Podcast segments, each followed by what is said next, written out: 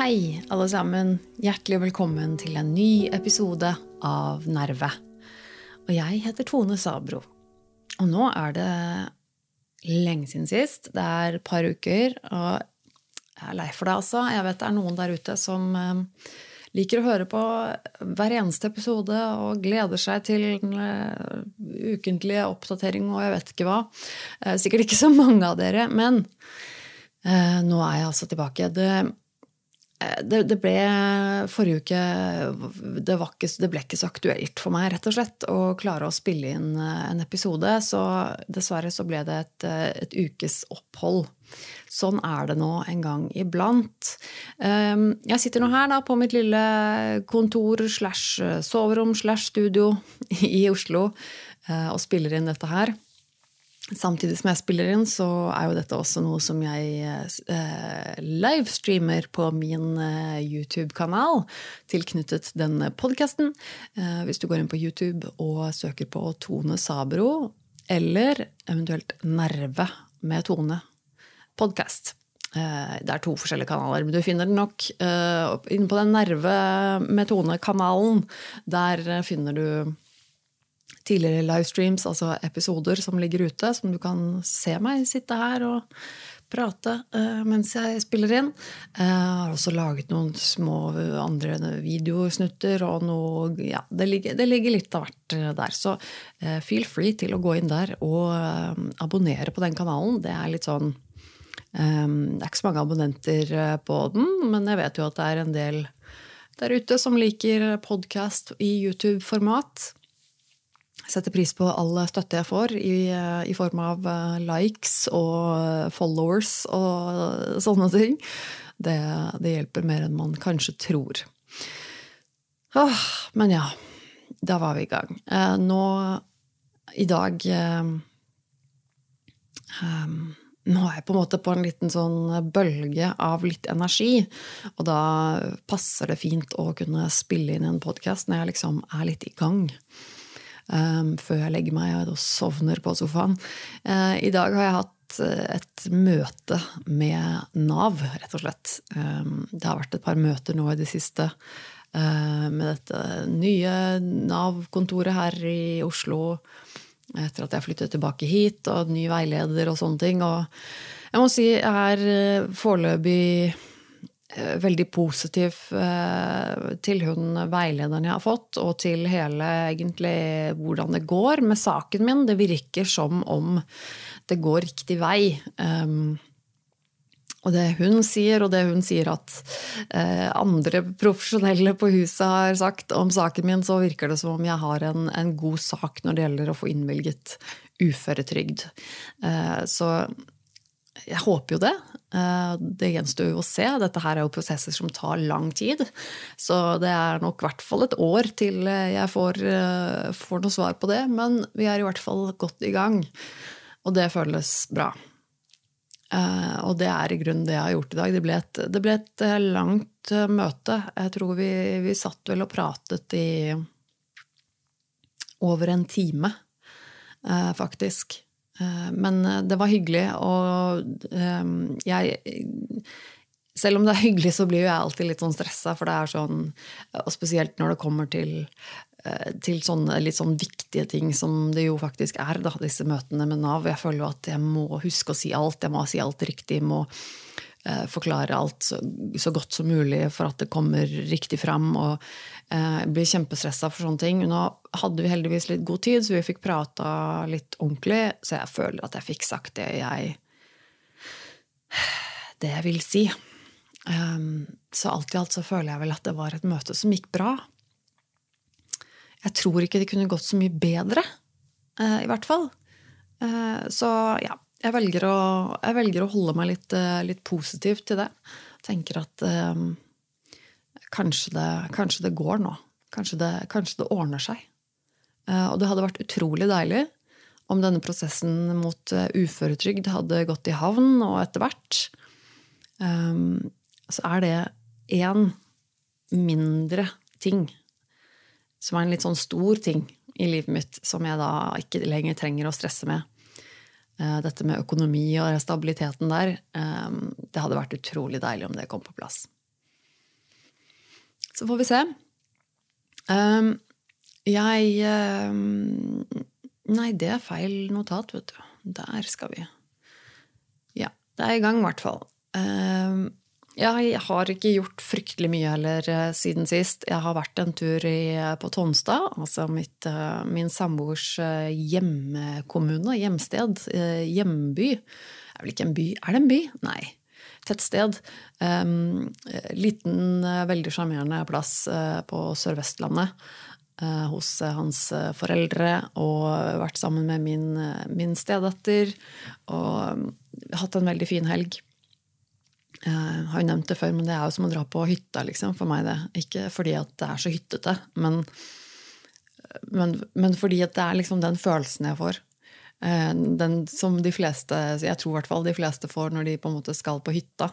Så er det en sånn assosiasjon, en sånn følelse av eh, ro og hygge og eh, fri, liksom. Eh, og det er den følelsen jeg får når jeg er, er på Tonstad. Eh, det er eh, Jeg har blitt veldig glad i det. Blitt veldig glad i mine svigerforeldre. Eh, og gruer meg til den dagen kommer som som en dag vil komme, hvor det ikke helt lenger blir det samme. Hvor mine svigerforeldre er blitt så gamle at ting forandrer seg, og ja, hele den pakka der. Men så jeg nyter eh, hver mulighet jeg får til å, til å være der og, og, slappe av. Og, um, ja. Jeg er glad for at jeg har et sånt eh, lite sted.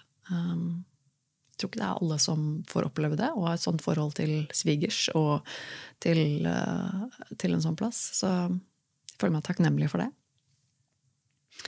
Um, jeg skal um, Egentlig så var dette bare en sånn liten greie. Jeg hadde nesten glemt. Jeg fikk en mail, og så um, så eh, glemte jeg nesten litt bort, og så eh, ble det nå Når jeg sjekka den igjen nå, så, så, ble det plutselig en greie. Det er litt interessant, egentlig. Jeg, skal, jeg, jeg fikk nemlig en mail. Det er en liten, uh, liten stund siden nå.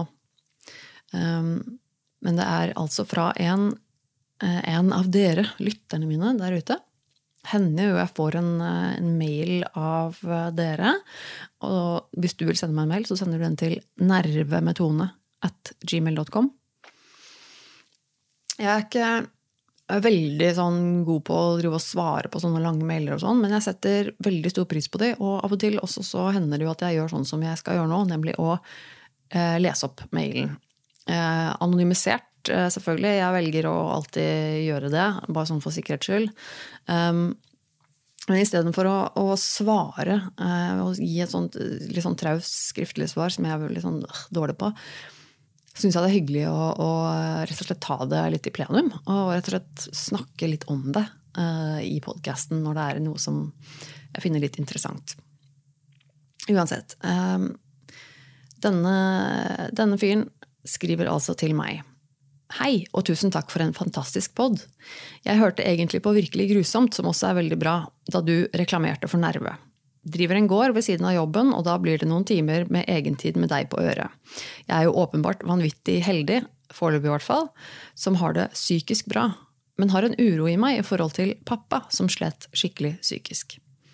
Han var en fantastisk far frem til jeg var ca. 13 år. Jeg er nå 44, så han slet i mange år. Vi hadde hester på gården den gangen, og alt var egentlig bra frem til vi en dag måtte avlive den eldste hesten vår, Lucy, av alderdom. Etter den dagen gikk det sakte, men sikkert nedover med han.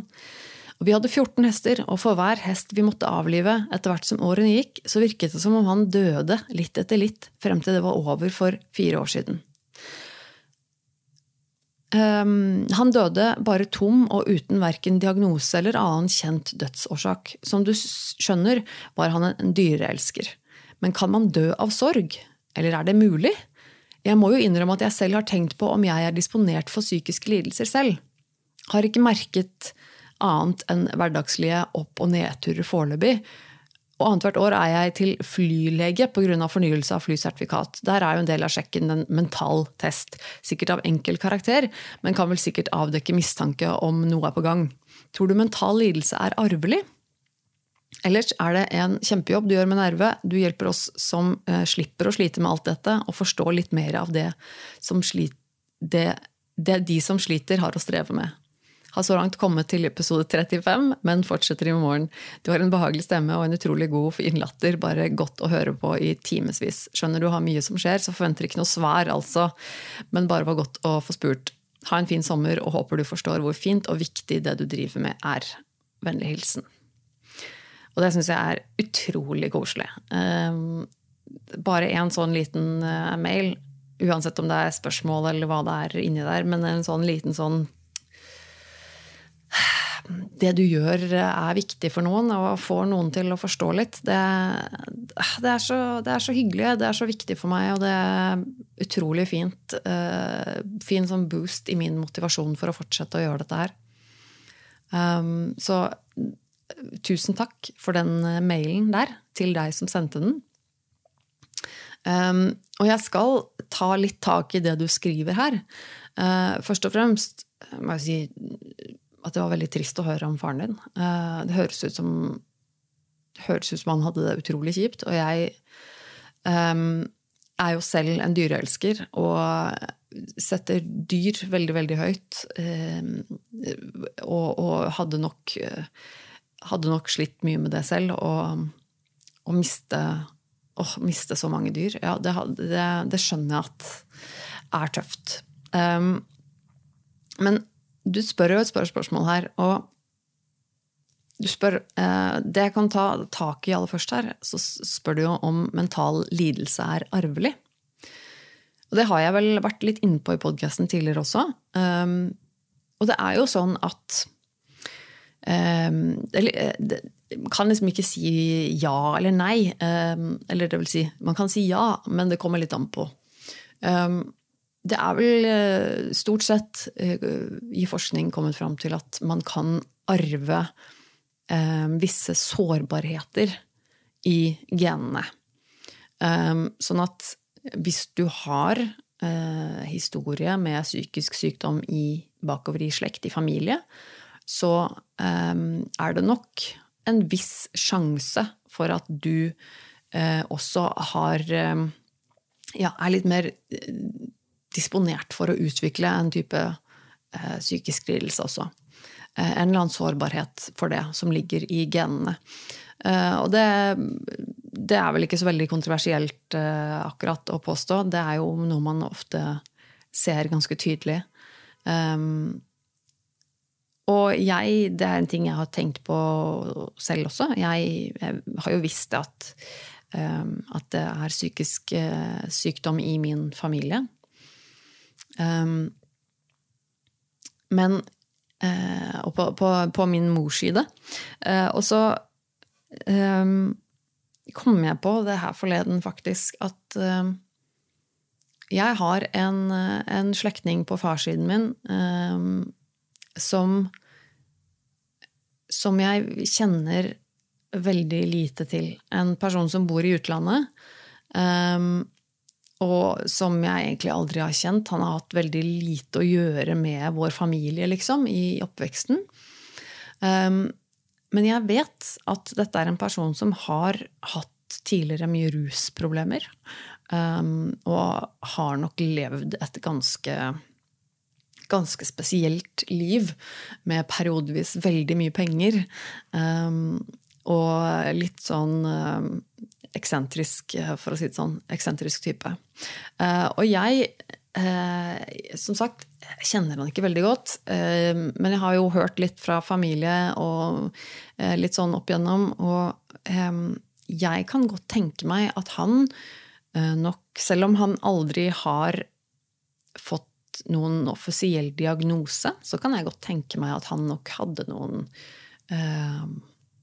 noen issues jeg skal ikke si noe om hva slags type issues det kan være, men man ser jo ofte mennesker som tyr til eh, rus, f.eks., eh, stadig vekk i livet sitt, at det ofte er en måte å um, å takle uh, vonde følelser og problemer på. Um, jeg kan nok tenke meg at han er en type som kan ha slitt med, med psyken sin uten å egentlig hatt um, hatt noen god, noe godt støtteapparat rundt seg.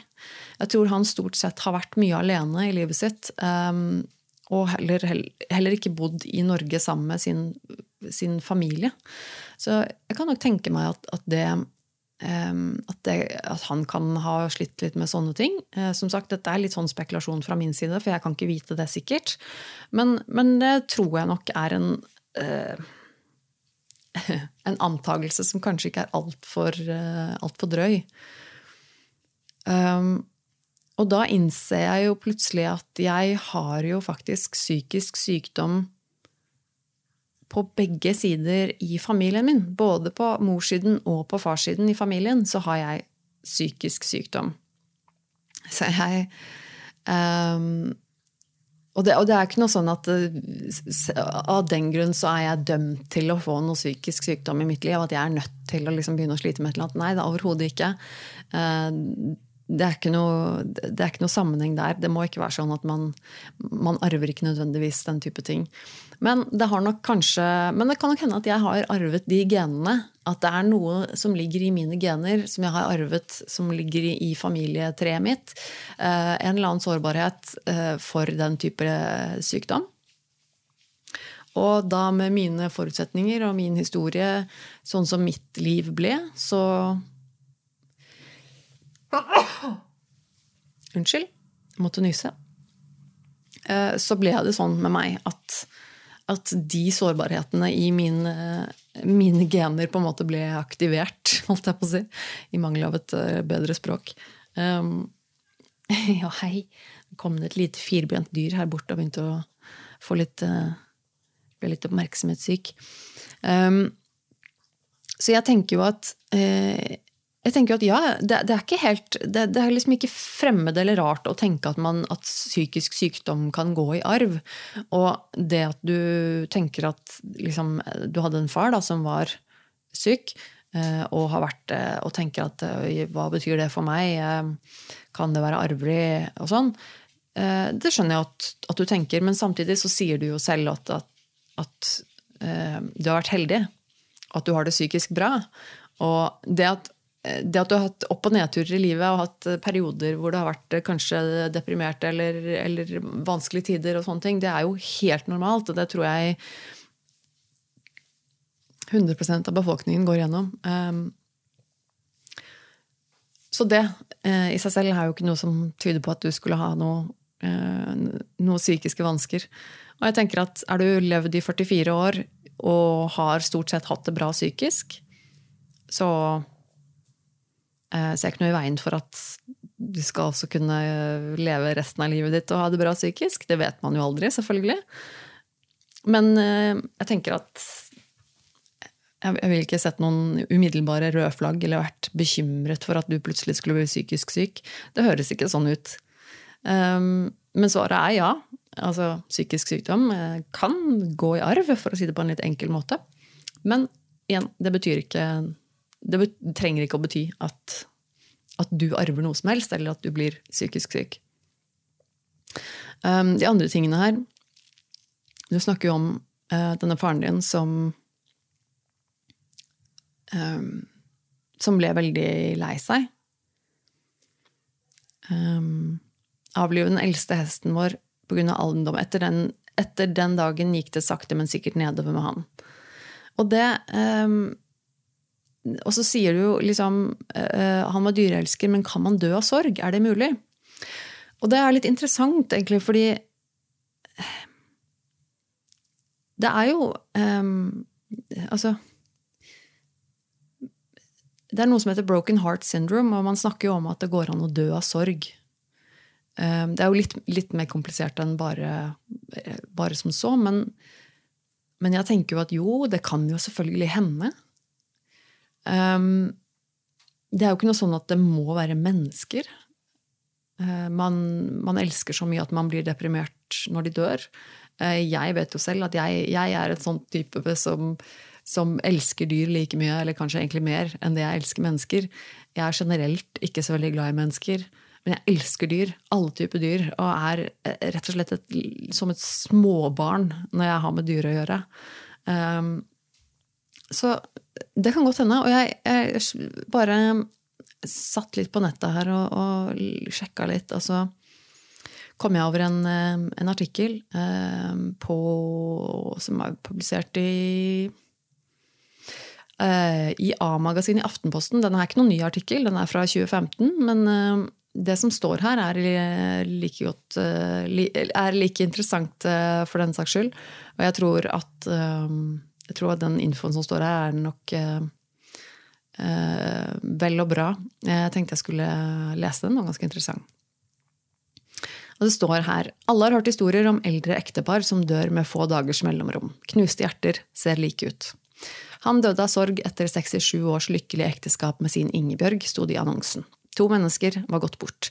Den ene levde fram til 24. juni i år, den andre til 27. juni. Hjertespesialist og professor i forebyggende medisin Maja-Lisa Løken ved Universitetet i Tromsø har sett mange knuste hjerter og vet hva som skjer når man rett og slett dør av sorg. Man får vondt i brystet, problemer med å puste og føler seg uvel.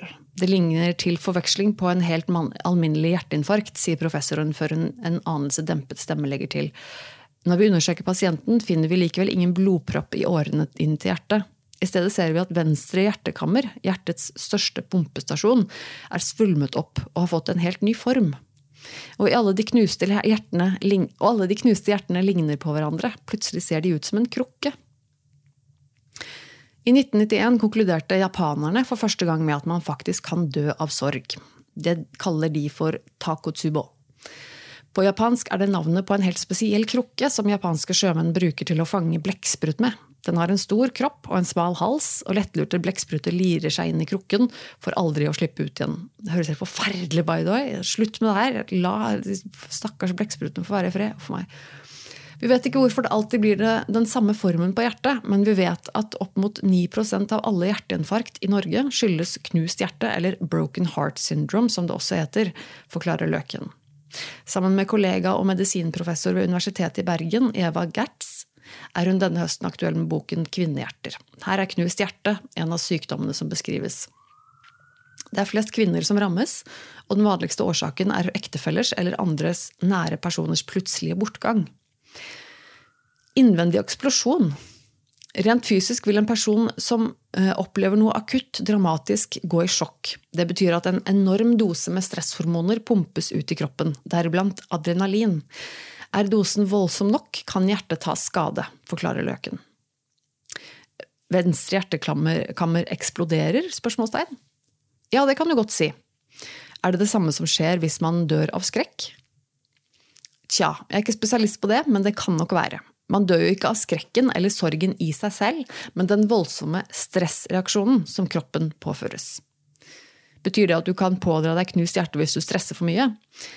Nei, du kan dø av hjertesvikt hvis du stresser over tid, men da spiller som regel flere andre faktorer inn, som røyking, usunt kosthold, høyt kolesterol eller andre typer ting. Men når du hører om friske menn i 40-årene 40 som plutselig stuper på vei til jobb, er ikke det en plutselig stressdød? Jo, det skyldes i de fleste tilfeller akutt hjertesvikt, men da ser vi oftere et infarkt forårsaket av en blodpropp. Det er da vi ofte snakker om hjerteflimmer i venstre kammer. Det betyr at hjertet plutselig begynner å slå fort, og, eh, for fort og kommer i utakt. Akkurat som er tilfellet eh, akkurat som tilfellet var ved svømmeren Alexander Dahl Oen. Symptomene er de samme som ved knust hjerte eller annen infarkt, vondt i brystet, uvel og pustevansker. Opplever man det, skal man alltid oppsøke lege. Når pasienter kommer inn og røntgenbilder avslører den karakteristiske krukkeformen, spør Maja-Lisa Løken alltid om de har opplevd noe dramatisk den siste tiden. Det har de som regel. Knust hjerte er ikke nødvendigvis dødelig, og det inntreffer ikke alltid akutt. Vi har sett eksempel på der gjenværende ektefeller faller om i begravelsen, f.eks. De har holdt seg oppe i dagevis, og plutselig kommer reaksjonen kroppen klarer ikke mer. Jeg har hørt om mødre som mister barna sine og dør et år etterpå. Kan det være knust hjertesyndrom? Om det er noen klar tidsbegrensning, vet jeg ikke. Likevel vet vi at plutselig tap av det nærmeste øker risikoen for selv å dø hos de etterlatte. Men dødsårsaken kan variere, og i disse tallene ligger også selvmord. Man kan vel også bli så trist at man ikke orker å spise? Ja, det er helt riktig. Ernæringssvikt, mangel på søvn og flere andre faktorer kan og vil til sammen eh, gjøre kroppen mindre motstandsdyktig. Før i tiden var det helt vanlig at naboer stilte opp med mat på døren, eller at de hjalp til med husarbeid og husdyrstell, eh, så ikke alt stoppet opp hos den familien som hadde mistet noen. Det sier Anne Marita Milde, psykologspesialist ved Ressurssenter for vold og traumatisk stress og første er førsteamanuensis ved Universitetet i Bergen. Hun er ekspert på hvordan biologiske prosesser i kroppen påvirker de psykologiske funksjonene. Hun forklarer at det å få et sjokk påvirker kroppens basale funksjoner. Den delen av hjernen som styrer følelsene, opptar all tilgjengelig energi. Derfor kjenner man kanskje ikke sult eller tørst. Korttidshukommelsen kan også svikte. Man blir rett og slett satt ut av spill. Det finnes eksempler på eldre etterlatte som slutter å spise etter å ha mistet sin kjære, og som dør kort tid etter pga. de reaksjonene og den atferden som følger sorg. Ikke fordi de nødvendigvis har et ønske om å dø, men fordi ingen er der til å passe på dem og gi dem omsorg, forklarer Milde. Hun mener mye av den omsorgen man før helt naturlig utviste for medmennesker i sorg, er gått tapt i vårt samfunn. Idealet om å klare seg selv og kjempe seg tilbake på bena står sterkt, sier eh, Anne Marita Milja. Kunnskap om sjokkartet sorg er rett og slett eh, er gått i glemmeboken? Ja, jeg tror det. Man kom ikke med ferdiglaget eh, middag på døren bare fordi man var snill, men fordi man visste at i en periode var det faktisk nødvendig. Noen kan også oppleve kroppslige reaksjoner og få f.eks. mageplager og fordøyelsesbesvær. Mange mister også nattesøvn. Alle disse kroppslige reaksjonene i en sorgfase fører til at kroppen er mer utsatt, og belastningen på hjerte-karsystemet kan være betydelig, forklarer Milde. Jeg trodde mange som ble deprimerte, faktisk sov mer. Ja, men kvaliteten på søvnen er ofte dårlig. Man våkner mye, sover urolig og har vansker med å falle i dyp, drømløs søvn. Hva skal, til, eh, hva skal du gjøre hvis alt raser sammen og du merker at kroppen går i stå? Fortelle de rundt deg at du er i krise, og at du trenger hjelp til å håndtere både sorgen og hverdagen. Likevel er det selvfølgelig ikke sånn at alle som mister en nær person i livet, står i reell livsfare. Den som har erfart tap tidligere i livet, står sterkere rustet til å takle den krisen som eventuelt oppstår. Og eh, som sagt, dette er en gammel artikkel, og eh, man må ta alt som står her sånn sett med en liten klype salt. Det er ikke sånn at jeg kan stå inne for eh, alle detaljene her heller. Eh, men likevel så er det jo noe, eh, noe som er eh, Noe man kan kjenne seg igjen i her. og jeg tenker også at når man sier at noen dør av sorg, så er det jo ikke sånn at man nødvendigvis da dør fordi man blir så lei seg, og at man får liksom knust hjerte, liksom. Men du har jo Men jeg syns det var veldig interessant å lese dette med at hvis man får et sjokk, da, eh, en plutselig beskjed om at noen, eller at noe plutselig går det opp for deg, at noen du er veldig glad i eller står nær, plutselig har dødd. Eh, og at det kan gi kroppen din et, et eh, sjokk av adrenalin og sånne ting. Og at du faktisk kan skade hjertet av det. Syns jeg er veldig interessant. Um, og det er jo også um, jeg vet ikke, jeg har i hvert fall opplevd det, sikkert de fleste av oss også, opplevd en, eh, å liksom få hjertesorg, enten med å ha mistet noen, eller om det er et forhold som går brutt, eller et eller annet. Det å, å liksom føle at det gjør fysisk vondt i brystet. At, det er liksom, at, det er en, at, at hjertesorg, eller at knust hjerte, er en, um, en, en, fysisk diagnose. En sånn fysisk smerte. Um, og det er jo det er jo selvfølgelig ikke helt uh, absurd. Jeg mener, uh, hodet vårt og kroppen, uh, mind and body, liksom, det er, ikke, det er, jo ikke, fraskilt. De er jo en del av, en del av hele deg. Hjernen din påvirker kroppen, og kroppen påvirker hjernen, holdt jeg på å si. ikke sant? Psyken, da. Så det er klart at jeg, jeg, tenker jo jeg tenker i forbindelse med denne mailen um, så kanskje, så kanskje, kanskje han døde av sorg. Hvem vet? Altså, jeg tenker um, Kanskje det, og kanskje det var en kombinasjon av, av, av flere ting. Jeg aner jo ikke hvem Jeg kjente, kjente han ikke, jeg vet ikke noen ting annet om situasjonen enn det du skriver i mailen. Men kanskje det var flere ting da, som bidro til at livet ble veldig vanskelig. Og det å miste, uh, miste noen man er veldig, veldig glad i Det er klart det kan, det kan sette i gang mye, mye vondt. Um, og hvis man først kommer litt vondt, litt dårlig, si, dårlig ut av det, og ikke får hjelp eller støtte, eller, um, eller ikke klarer å, å takle det på en, på en, god måte å komme seg videre, så er det klart at man kan jo bli syk av det. Uh, litt som det står i, i artikkelen også, at, at du um, at det påvirker deg i form av at sorgen påvirker kroppen og hvordan, hvordan du lever. Um, påvirker uh, søvn og hjerte-karsykdommer. Altså alt dette som, vi, ja, som, jeg leste om. Dette er jo ting som, som, drastisk kan påvirke helsa. Og hvis vi får en dårlig helse, så er det klart at da er det jo større sjanse for å dø. Og det er også klart at um, et eldre ektepar, f.eks., hvor, hvor, hvor en dør, og den andre um, blir hjerteknust og allerede er ganske kanskje gammel og litt skrøpelig helse og sånne ting. Det er klart at det er jo ikke alltid at det går bra. Og jeg, jeg syns jo selv det høres på en måte helt sånn Jeg har jo hørt hørt om sånne, sånne ting selv. Eh, sånne, sånne eh, tilfeller hvor et eldre ektepar eh, liksom, Hvor den ene dør, og så går det bare noen få dager, og så, og så dør den andre også av, av, hjertesorg, på en måte. Um, jeg har jo alltid syntes at det høres veldig rart ut. liksom. Kan man dø av sorg? Og så litt sånn indirekte, så ja, så kan man jo det. Um, og, jeg, og jeg, når du på en måte tenker litt over hva slags effekt eh, sorg og, og sjokk og, og, depresjon kan ha på livet ditt og på helsa di, så er det kanskje ikke så rart likevel.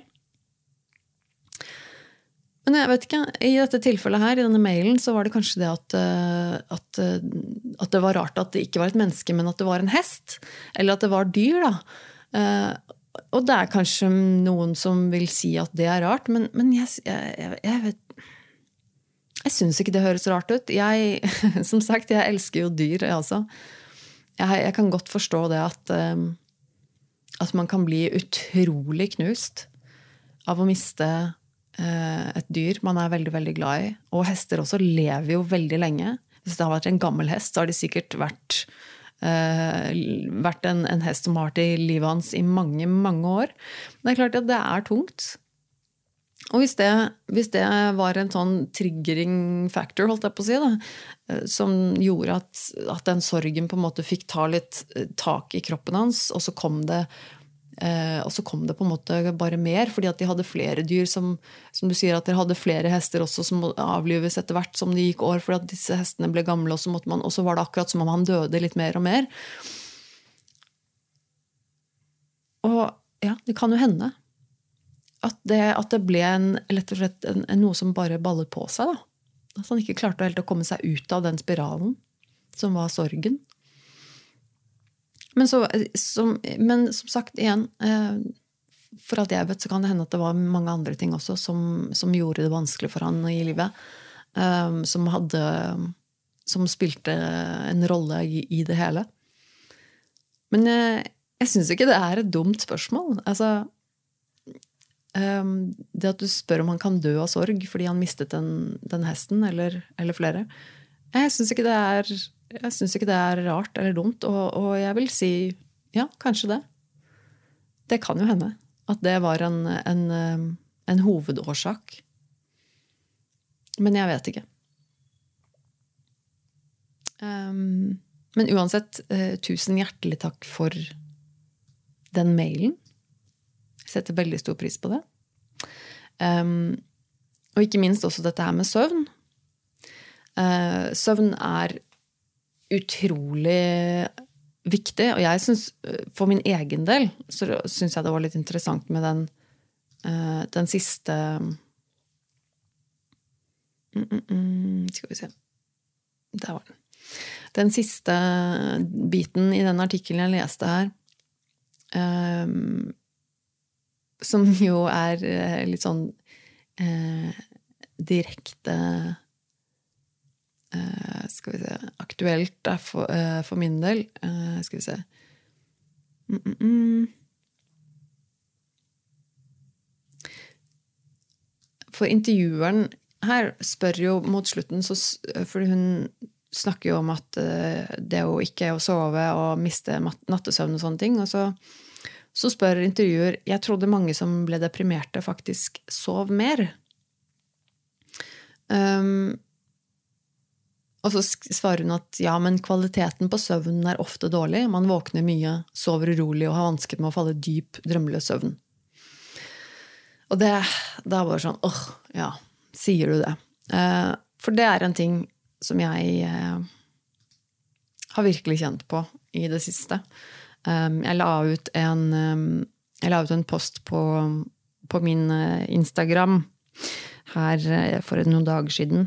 Jeg hadde egentlig tenkt til å skrive et, et langt, langt, innlegg, men jeg, jeg, orket ikke. Jeg bare klarte ikke. Men, men jeg skrev noe sånt som at um, um, søvnen kan være en, en, venn når livet er litt for hardt og tiden går litt for sakte. Eller noe sånt. Og jeg merker jo at søvn er en ting som Søvnen min blir veldig påvirket av min status, av den depresjonen og av alt det jeg sliter med i hodet mitt. Er, og søvn er altså noe som har um, forandret seg mye i løpet av mitt liv, som jeg syns også er litt fascinerende. Ehm, jeg sover mye nå for tiden. Og det er litt um, Både fordi jeg er veldig trøtt, um, men også fordi at jeg, jeg liker å sove. Fordi det får tiden til å gå. Jeg merker jo at jeg syns ofte at dagene blir veldig lange. Eh, og vil gjerne at tiden skal gå litt fortere. Eh, og da hjelper det å sove noen timer. Plutselig så har tiden gått. Jeg merker også at jeg bruker det som eh, en unnskyldning for å slippe å spise, f.eks. Det er jo ikke bra. men jeg, og jeg kjenner at jeg, jeg, trenger den søvnen. Det er ikke sånn at jeg um, det er ikke sånn at jeg ikke får sove om kvelden hvis jeg sover om dagen på sofaen noen timer. Um, det er liksom bare som om kroppen min og hodet mitt trenger dobbelt så mye søvn som andre eller vanlige mennesker. Ehm, så jeg sover rett og slett ganske mye. Eh, jeg er jo vant til å ha, jeg er jo veldig B-menneske, så jeg sover jo, står opp ganske sent på en måte, på formiddagen. Eh, og så er jeg oppe noen timer, og så kanskje jeg sover noen timer på sofaen. Og så pleier ikke jeg å Jeg pleier å legge meg kanskje tolv, ett, ett, eh. Og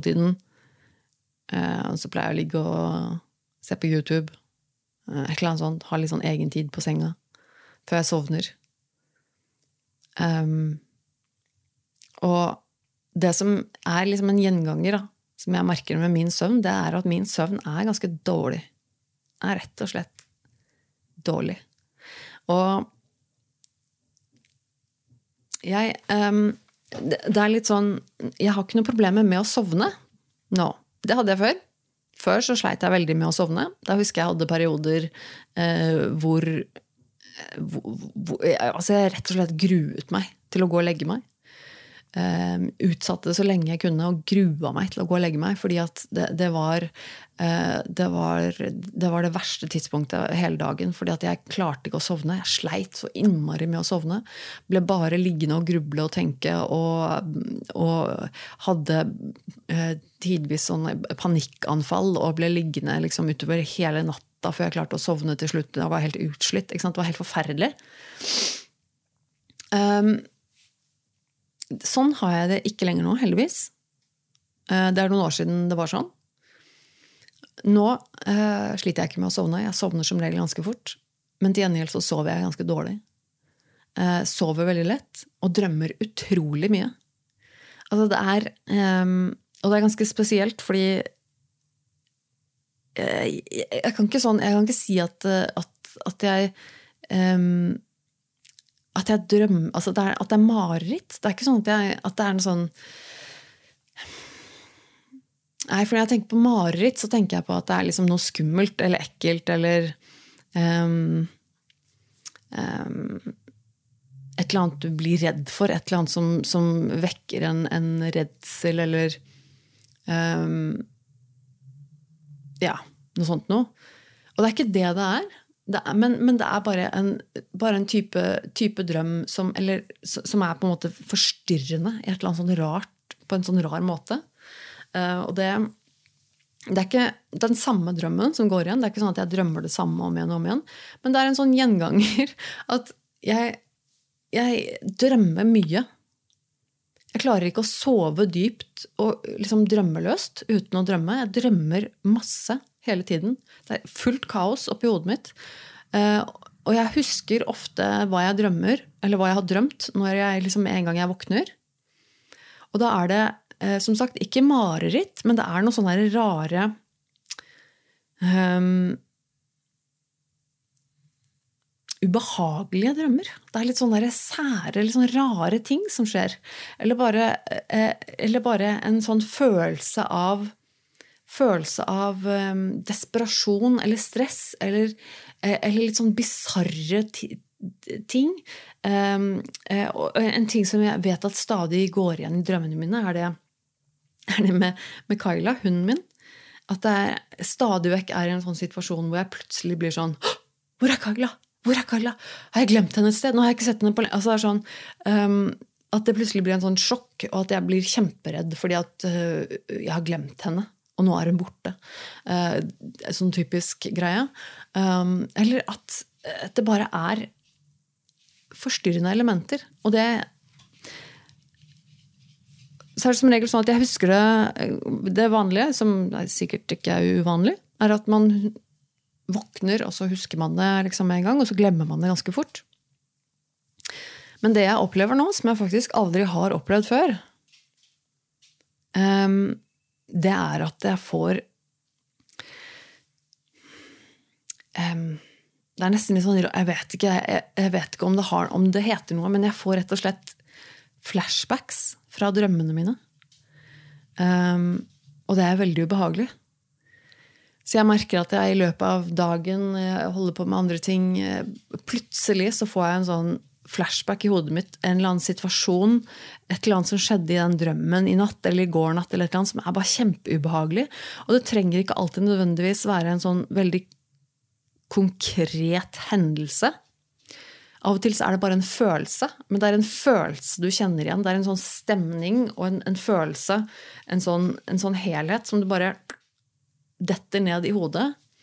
Uh, og plutselig så bare uh, Ja, det er som en flashback, som når du har PTSD, liksom. Uh, plutselig så er du bare der igjen. At den, der, den bare renner innover deg, den der vonde, ubehagelige følelsen du hadde i den drømmen. Um, og det er, det er, rett og slett kjemperart. Um, og jeg har ikke jeg kan ikke huske å ha opplevd det før. Jeg har jo hatt masse mareritt og rare drømmer og sånn gjennom livet mitt. det er klart det. Um, og jeg har også hatt eh, flere gjentagende mareritt i mitt liv. Og jeg har flere liksom, sånne mareritt som jeg, som, jeg, som jeg helt sånn absurde greier. Men jeg tror faktisk aldri jeg har opplevd det før. Å få drømmeflashbacks på en sånn ubehagelig måte. Um, så det er nytt for meg.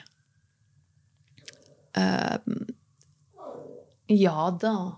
Vente. En liten jente som er ute på balkongen her. Må vente. Um, og så jeg merker det at det er en ting som virkelig påvirker meg, påvirker meg for tiden. Det er dette med søvn og, uh, og rett og slett indre uro, altså. Ehm, den depresjonen og den, det stresset og det, alt det maset som er i hodet mitt, det, det, er der liksom hele tiden. Jeg får aldri være i fred. Og jeg tror det er litt sånn at når jeg sover, så får det skikkelig eh, utfoldet seg og gått helt eh, løpsk. Og det er så mange rare historier eh, som går gjennom denne, denne, denne, hjernen her i løpet av en natt eller bare noen timer på sofaen, at jeg blir helt forstyrra av det. Jeg kan våkne opp og være helt sånn Herregud, hva er det her for noe?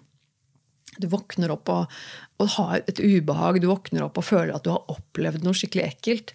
Altså, det er øh, virkelig plagsomt. Det er utrolig irriterende. Og spesielt disse flashbacksene som jeg har begynt å få. Um, rett og slett utrolig merkelig. Og sært.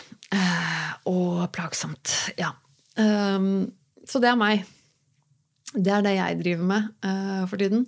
Eh, jeg ser at jeg har Jeg streamer jo dette her live på YouTube og uten forvarsel eller planlegging eller noen ting, så det pleier ikke å være så mye folk som ser på live. Men av og til så er det jo uh, noen, noen, og gjerne litt sånn faste folk, som ser på live. Det syns jeg er veldig ålreit. Av og til kommer det en kommentar eller to.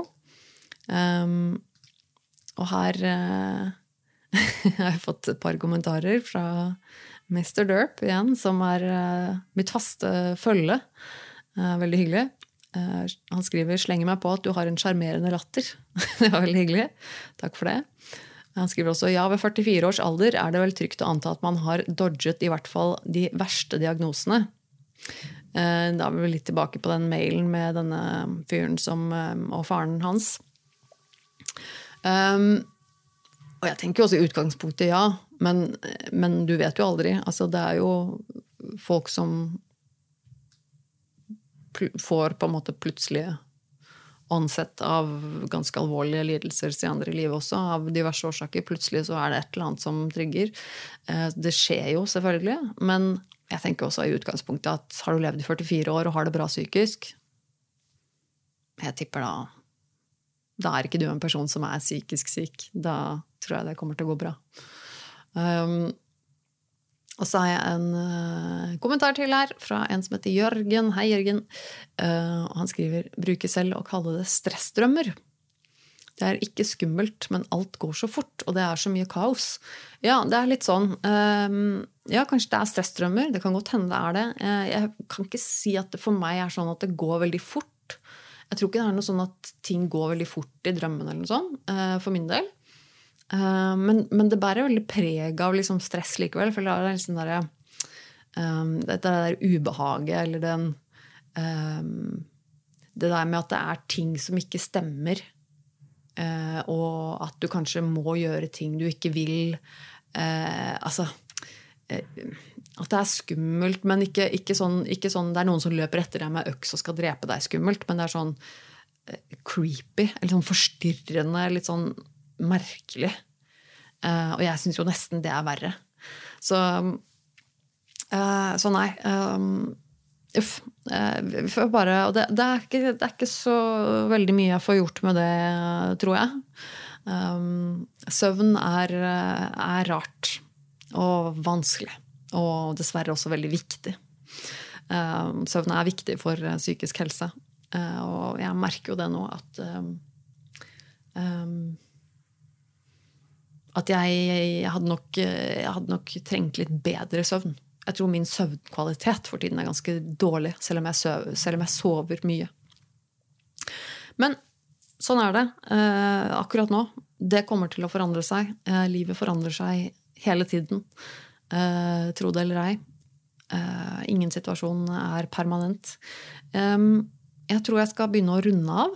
Eh, jeg hadde et sånt lite punkt til her på notatene mine, men det får rett og slett vente til neste gang eller en annen gang. Ehm, nå er jeg litt uh, sliten og sånn, så nå gidder jeg ikke mer. Rett og slett.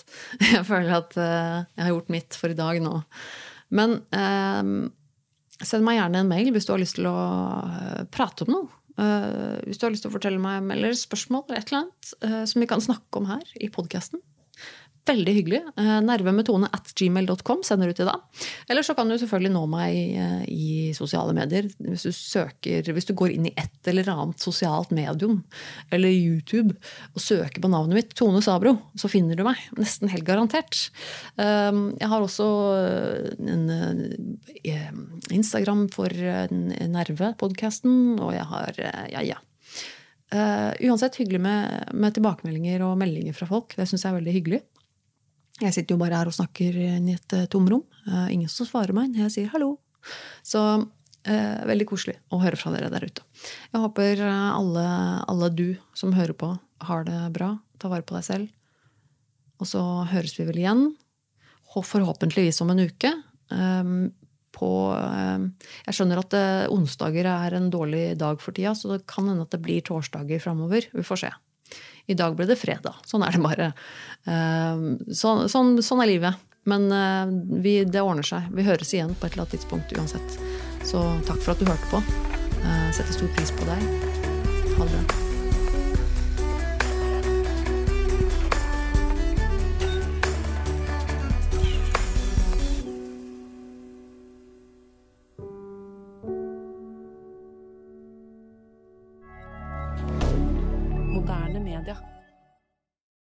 Har du et enkeltpersonforetak eller en liten bedrift?